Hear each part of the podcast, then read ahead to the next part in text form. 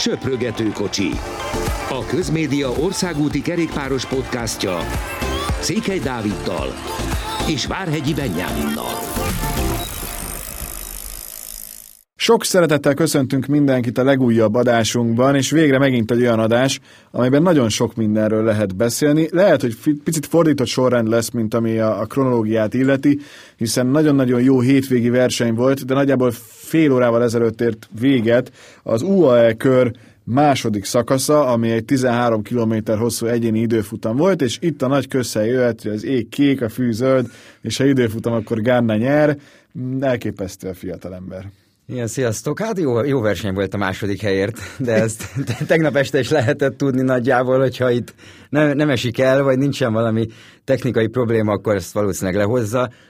55,9-es átlagot ment. Majdnem, majdnem megvan az 56-os, mert 55,981-es, ami, ami felfoghatatlan, még akkor is, hogyha tudjuk a szintrajzot, tudjuk azt, hogy itt még kanyarodni sem kellett olyan nagyon, még akkor is, hogyha a Tibéri szegény borzasztóan rosszul járt, de ő is a, a legelején vagyis a legvégén a, szakasznak néhány méterrel a cél előtt esett el egy teljesen ártalmatlannak tűnő szituációban, nem is érti az ember, hogy igazából mi történt, de remélhetőleg neki nincsen komolyabb baja. Igen, ez a Tibéris dolog nagyon érdekes volt tényleg pár méter volt vissza, és nem tudom, így kiugrott alul a bicikli, tehát még a trek nem írt ki semmit, mikor ezt felvesszük, de, de valószínű valami technikai gond lehetett ott, mert, mert a szél nem volt erős, tehát az nem valószínű, hogy befúj, de akkor átrepült, hogy, hogy nem tudom egyáltalán holnap rajt hozzá le.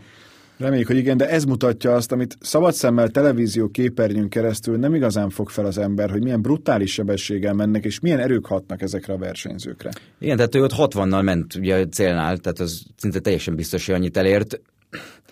És, és nagyon érdekes volt, hogy, hogy mi történt. Ráadásul ezek a biciklik még a, még a sima országúti bicikliknél is jóval könnyebbek az időfutam biciklik, tehát sokkal jobban hat rá egy, egy kis szellő is igazából, ugye és, és, emi, és emiatt nagyon nehéz, de, de ilyet nagyon ritkán látni. Ami még ezt a második szakaszt illeti, aztán visszamegyünk az elsőre. Biszegger lett a második, és Bjerga a harmadik, úgyhogy azért az UAE most is tudott adni egy versenyzőt előre, sőt Pogácsárt is, aki a negyedik helyen zárt, és ennek köszönhetően, hogy ő azért egész jól megoldotta ezt az időfutamot, átvette a vezetést az összetetben, Joao Almeidát és Chris Harpert megelőzve. Nagyjából azért várható is volt, hogy ha már ennek a csapatnak, a kvázi hazai csapatnak a versenyzője, akkor Pogácsár oda teszi magát, de, de láttál-e bármilyen meglepetést ezen az időfutamon, amire azt mondod, hogy már erre tényleg nem számítottál? Mondanám, hogy nem számítottam, de Walter Attila megverte Chris Froome-ot ezen az időfutamon például, és ugye Attila mondta a múlt héten, hogy, hogy azért ő kérdeztem tőle, és ugye készült, tehát azért készült itt a télen időfutammal. Ugye nyilván váltott kerékpár, tehát ugye a CCC gyártója Giant elment, és Lapierre elmennek most már, tehát azért ezek profi versenyzőknek fontos dolgok, viszont, viszont mondta, hogy az időfutamra azért rá akar feküdni, hiszen ugye megy a giro is, ahol azért lesz két időfutamról már tudunk, még hogyha az útvonal ugye nincs, nincs is meg. Még Most mindig. éppen február 24, Igen, tehát holnap után. Elvileg jövő héten már tudunk róla majd beszélni. De ezt már hányszor ígértük, nem is tudom. Igen, más meglepetés igazából szerintem nem volt, és itt visszakanyarodnék az első szakaszra, hogy, hogy Hát, ami zseniális volt, tehát sokan írták csapatok holnapján mindenhol, hogy az UAE kör történetének a legjobb szakasza volt. Ugye azt tudni kell, hogy ez a verseny, azt hiszem ez a harmadik kiadása ebben a formában. Tehát előtte volt a Budabi kör, meg Omán, meg nem tudom, és akkor úgy rakták egybe a dolgot. De, de ez egy unalmas sprint szakasz lett volna. Na most ehhez képest, hogyha valakit megkérdez, valaki megkérdezi, hogy honnan néz vissza, akkor a nulla kilométertől. Tehát... Tényleg, amikor 200 méter után úgy befúj az oldalszél, hogy 4-5 részre bomlik a, a komplet mezőny, az, az ami egészen döbbenetes, és nagyon-nagyon ritka, még akkor is, hogyha tényleg itt, ahogy mondtad, hogy korábban volt Abu Dhabi kör, itt ugye most az emirségeket bővítették ki, hogy akkor többet is érintenek a versenyzők, de de ott is korábban is volt ilyen, hogy oldalszél, amikor még Bó nem ment például klasszikusan a világ ezen táján, akkor is voltak ilyen oldalszéles szakaszok, de, de ez itt teljesen váratlan volt, hogy ennyire korán már kialakuljon, és tényleg az első tized másodperc, hogy gyakorlatilag teljes koncentrációval kellett tekerni, és jó sokan meg is szenvedték azt, hogy, hogy nem figyeltek oda a legelején, mert óriási különbségek alakultak ki. Tehát, hogyha megnézzük, akkor a, az élmezőn az nagyjából egyszerre beérkezett, de a 24. helyezettől kezdve tehát Lindemántól kezdve már egy 8 perc 29 másodperces hátrányt mérünk. Igen, és az ilyen napokon a kis dolgok is dönthetnek. Például olvastam egy ilyet, hogy a Quickstep érkezett tegnap elsőként a szakasz előtti aláírásra, az Astana pedig egy órával később ért oda, mint a Quickstep. Megnézhetjük, hogy melyik csapatnak hány versenyzője volt ott, a, ott az első bolyban. Tehát az ilyen dolgok nagyon számítanak, és, és pont emiatt kanyarodtam vissza ide, hogy, hogy az időfutamon igazából gyakorlatilag a tegnapi nap miatt négy-öt embert kell nézni. Tehát Pogácsár, Almeida, Chris Harper, aki egyébként jó hegyi menő, a Jumbo versenyzője, és hát nyilván Edem Yates. Tehát gyakorlatilag köztük fog eldőlni az összetett, mert ez a 8 és fél perc, ez hiába van két egy, ez, ez ledolgozhatatlan. Tehát, hogyha lenne három hét verseny előttük, akkor is, akkor is ez itt elment volna. És amiről még nem beszéltünk, szintén mai hír, de ha már az első szakasz, egyrészt az állítólag egyzen érkező Mathieu van der Poel annak rendje és módja szerint nagyon-nagyon megverte a mezőnyt a, a végén, és végül Deker lett a második, de de az a magabiztosság, amit már most mutat, egy ilyen telet követően, meg egy ilyen január-februárt követően Van Der Poel az nekem megdöbbentő, tehát nem az van, hogy átszokok, meg, meg akkor most újra országút, hanem tényleg egyből így teljesít. A másik pedig, hogy sajnos őt ma már nem láthattuk a mezőnyben, hiszen az Alpeszinnél felütötte a fejét a koronavírus, és a csapat azonnal azt mondta, hogy jó, akkor ebben az esetben ő már ki is száll a versenyből, igazából egy győzelem már van, tehát még így sem megy haza üres kézzel, de nem folytatta, így aztán ma például már Van Der Poel nem is indult el utolsóként az időfutamon. Igen, ugye Van Der Poel úgy jött, úgy jött erre a versenyre, hogy ő Philipsen segíti a sprinteken, mert ugye van négy olyan szakasz, a tegnapival együtt négy, hogy ami, ami gyakorlatilag tényleg mezőnyhajrát várt az ember. Most Van Der Poel mondta, hogy az ilyen könnyű szakaszokon ő biztos nem sprintelt volna, volna ráadásul Philipsen, ugye, aki Vueltán szakasz nyert, pont az UAE-től érkezett, ő ő a sztárigazolásuk, tehát egy ilyen sima sprint elképzelhető. A szeles részeken viszont ugye Van der Poel ott tudott lenni, ott volt még vele egy csapattársa is, és láttuk, hogy mennyire megijeszti amúgy Mathieu van der Poel az olyan sprintereket is, mint mondjuk Fernando Gaviria, aki inkább már több mint egy kilométerrel a szakasz végén megpróbál támadni, ami nyilván önbizalom hiányt jelenthet, meg azt egyébként, hogy nem nagyon akar Mathieu van der Poel ellen sprintelni, uh-huh. úgyhogy Gaviria a mezőny egyik legjobb sprintere, Ugye Viviani volt még ott a, klasszikus sprinterek közül, azért azt ne felejtsük el, hogy neki egy hónap ezelőtt szívműtétje volt, tehát azért az óriási dolog, hogy itt van, óriási dolog, hogy ennyire tudott figyelni, és, és ott tudott lenni a mezőnyel úgy, hogy a, akik elől mentek, egy 47-es átlagot mentek tegnap a 176 kilométeren, ami elképesztő komoly. És azt is tegyük hozzá azért, hogy itt most nem klasszikus vonatok vezették fel a hajrát, tehát szinte mindenki a, a, a saját zsírján próbált meg a lehető legjobb eredményt elérni a végén. Dekert azért emeljük ki, mert ő annyira szépen tette a legelejétől kezdve a kereket Fanderpurra, ezzel feladva gyakorlatilag az első hely lehetőségét, de mindenki mást meg tudott előzni, és neki azért így, hogy most került fel a legjobbak közé, mindenképp egy, egy nagyon jó kezdet, hát 1998 februárjában született, ez nekem így olvasva egy kicsit fájó dolog, de lassan már neked is szerintem, és, és tényleg az, hogy, hogy ő így nyit a Virtúrban, úgy, hogy előtte a legmagasabb osztályban versenyesem nagyon volt, azért az, azért az egy elég komoly teljesítmény. Igen, azt hiszem voltán tavaly a Le Samen nevű versenyen egy harmadik helye, Így van. de ugye az édesapja is egy nagyon jó kerékpáros volt Deckernek, viszont ő óriási lehetőséget kapott így, hiszen el van tiltva Dylan Grunnevégen májusig. A tehát, Tour de papíron. Igen, tehát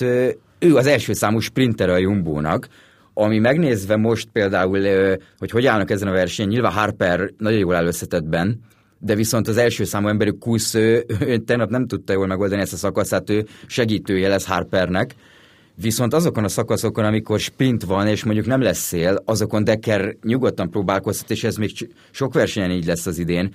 Tehát elég, elég biztató számára, és nagyon-nagyon sokat tud fejlődni, és látjuk, hogy, hogy már most, most is nagyon-nagyon jó helyen van a mezőnyön belül, nagyon jól megtalálta a helyét. Ki nyer? Lesz, aki megveri Pogácsárt szerinted az összetetben? Ez egy nagyon érdekes dolog, mert, mert azt gondolom, hogy itt, hogy itt látva a Joao Almeidát, itt az lesz, hogy a Quickstep Pogácsár ellen. Tehát Pogácsának is megvannak az embereit, például gondolunk Rafael Majkára, de akár Mikkel Bjerg is nagyon jól tud majd neki segíteni.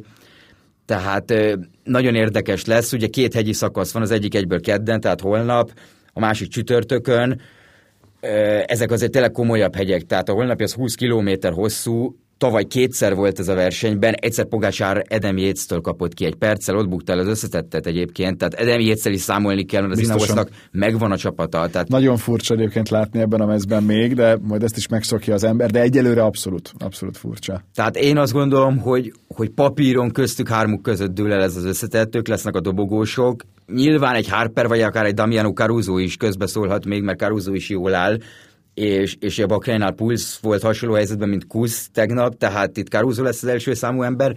Érdekes verseny lesz, és látjuk, hogy minden nap van valami extra rajta, tehát itt nem nagyon lehet tudni, hogy most akkor mi, mi fog történni, és látjuk, hogy a sprint szakaszok se olyanok, hogy akkor sprint, mert ha Quickstep úgy gondolja, hogy Almeidának van, nem tudom, 10 másodperc hátrány a hegyek után, akkor megpróbálják megborítani akár 15 km per órás szélben is a mezőnyt. Utolsó kérdés, mennyire lep meg az, ahol Chris Froome tart, vagy még nem is igazán látjuk azt? Az időfutam alapján mondom, hogy valamennyit már látnánk abból, hogyha ő olyan extra jó formában lenne. Igen, főleg úgy, hogy azért Chris Froome egy nagyon-nagyon jó időfutam menő volt, tehát ő, ő tugrókat nyert meg időfutamon. És, és ebből a szempontból érdekes, de ugyanazt tudom mondani, mint Walter Attilánál, hogy ráadásul sokat is panaszkodott az új kerékpárjára, most nem, nem az időfutamra, hanem inkább az országútira, de, de nagyon nehéz egy ilyenhez átszokni, nem, ha jól tudom, nem edzett sokat időfutam kerékpáron, tehát ez, ez egy nagyon-nagyon nehéz lesz visszajönnie ebben a szegmensben, de, de én nem tudom, hogy tehát én nem tudom elképzelni, hogy Chris Froome reálisan akár egy túr esélyes lehet. A csapat megvan hozzá, erről meg fogunk beszélni, mikor, mikor az Ótvárról beszélünk, de, de most jelen pillanatban tudjuk, hogy edzeni jött ide, oké, okay. én egyébként megvárnám azért ezt a két hegyi napot. mondani, hogy azért biztos, hogy megmutatja, vagy legalábbis egy picit megpróbálja megmutatni. Igen, ott azért fog próbálkozni. És ez a csapat felé is kell, hogy, hogy nagy név vagyok, és ezért vagyok nagy név, mert ha most nem sikerül, villámgyorsan elfogy a bizalom, ami már elfogyott az Ineosnál is, nem véletlen, hogy idén már nem az Ineosnál látjuk, hanem az Izraelben. Na és akkor gyorsan térjünk rá a másik versenyre, ami az előző héten volt. Ez egy háromnapos de nagyon-nagyon izgalmas verseny, a Tour des Alpes Maritime Eduvár, rövid név, de ettől függetlenül nagy versenyek, és gyakorlatilag mindegyik szakaszról beszélhetünk úgy, mint amelyik hozta azt, amit, amit szeretett volna. A leginkább persze a tegnapi volt képileg is, tehát csodálatos tája Franciaországnak, és ahogy mutatták, itt azért érződött az, hogy az ASO, leszámítva a legvégén, mert úgy tűnik, hogy ebben az évben egyelőre az, hogy hány méter van még hátra, meg mekkorák a különbségek, az nem igazán megy, hogy pontosan megtudjuk, de Gianluca Brambilla nagyon szépen ellépett a mezőnytől, és végül megnyerte a szakaszt, és ennek köszönhetően, meg az előnyének köszönhetően végül az összetettet is. A szakaszt azt 13 másodperccel Gegenhárt előtt úgy, hogy a végén még belefért, hogy ünnepeljen is, míg a, a, az összetett az 5 másodperccel lett az övé, megelőzve a Woods Molema Mollár 3-ast. Nekem meglepetés volt, neked annyira nem, hogy Brambilla így tudott nyerni, mert te azt mondod, hogy ez taktikailag a többiek részéről is egy rendben lévő verseny volt. Szerintem picit meglepő, hogy Brambillet így engedték, hogy el tudjon menni. Igen, nagyjából olyan volt a track taktikája is, mint, mint, a, mint az FDGA, hogy, hogy akkor előre küldünk minimum egy embert, nyilván Brambillával senki nem gondolkodott, tehát Mollema ott marad Woodson, Oké, okay. egyébként Gianluca... Kicsi Bram... emberfogás, igen. és aztán utána lesz, ami és lesz. Ennyi. Az, hogy Brambilla ilyen erős, én, nekem meggyőződésem, hogy ezt a teknél se tudták. Tehát Brambilla is azt mondta, hogy elromlott a rádiója, és, és utána a kocsiból ugye ott már a vége felé jöttek oda hozzá, és akkor is nem, a, nem az összetettről, vagy a különbségről kérdezték, hanem a szakaszért. A szakaszról, ezért nem, ünnepelt a végén, igen. és nem tekert, mint egy őrült. És, hogy... és nem, ő nem is gondolkozott nagyon az összetettben. Egyébként Gianluca Brambilla egy nagyon jó hegyi menő. Viszont Négy ut- éve nem nyert. Igen, 16-os Vuelta. Tehát eh, akkor, viszont tavaly volt rajta a, nem is tavaly, bocsánat, a 19-es Giron volt rajta a kék trikó, egy napot, az összes több, mint Csikkóném az volt. a hegyi trikó, hogyha esetleg lenne egyértelmű. Tehát az összes több, mint Csikkóném volt, aki a szobatársa volt, tehát az egész Giro alatt a szobában, szoba a szobában volt a kék trikó. ez, ez egy szép sztori. Viszont ugye hát Mollémával számoltak, az Izrael megpróbált mindent, tehát ö, láttuk, hogy Dan Martin is, illetve a 19-es Tour de Hongrie győztes Chris Neylands is fantasztikus munkát végzett, tehát ö, és Bruno Armila az FDG-ből nálam, a, nálam az ilyen hátsó MVP-k erről, erről a versenyről, meg erről a szakaszról. Az FDG-nél meg ugye ott voltak az első nap tízből, eh, top 10-ben négyen, tehát bárki igazából nyerhette, és kis különbségek voltak, ugye a végén is azt hiszem a végső összetetben is fél percen belül van a top 10, tehát ez, ez, ez egyébként brutális, És, és ez jó, jó jel nekünk is, mert hogyha négyen vannak ott a legjobbak között, akkor azért gondolhatunk arra, hogy, hogy Bajtar Attilának is megy majd az emelkedősebb szakaszokon. Igen, és, és érdekes is volt, mert Molárnak is, meg Maduának is ott volt a lehetőség, hogy megnyerje. Egyszerűen nem voltak olyan erősek, mint Brambilla. Hát plusz még az a kicsi bukás, az is egy kicsit benne volt, de inkább Igen. itt az időzítés, senki nem akarta másik helyet dolgozni. Érdekes volt Woods, mert nekem Woods mozgása emelkedett ki a legjobban egyébként, nem tudom mennyire értesz ezzel egyet a, a mezőnyben. Ő tűnt a legjobb formában lévő versenyzőnek, megerősíti azt, hogy tavaly miért áradoztunk róla, hogy milyen kivételes képességű versenyző, és, és mindenki rá várt, hogyha legalább egy társa lett volna, aki azt mondta, hogy, vagy azt mondja, hogy oké, okay, akkor írjuk utol Brembiát, aztán mondta, kitáljuk, hogy mi lesz, de, de ne engedjük el, akkor szerintem meg tudták volna fogni.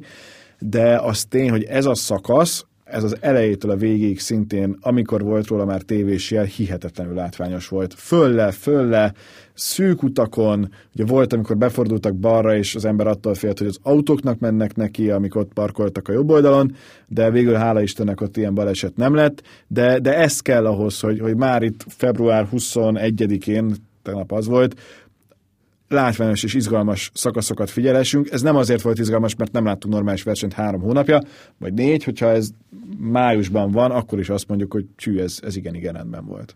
Igen, azok az autók katasztrofális helyen voltak, legalábbis az első kettő, tehát ilyet nem tudom, hogy lehet csinálni.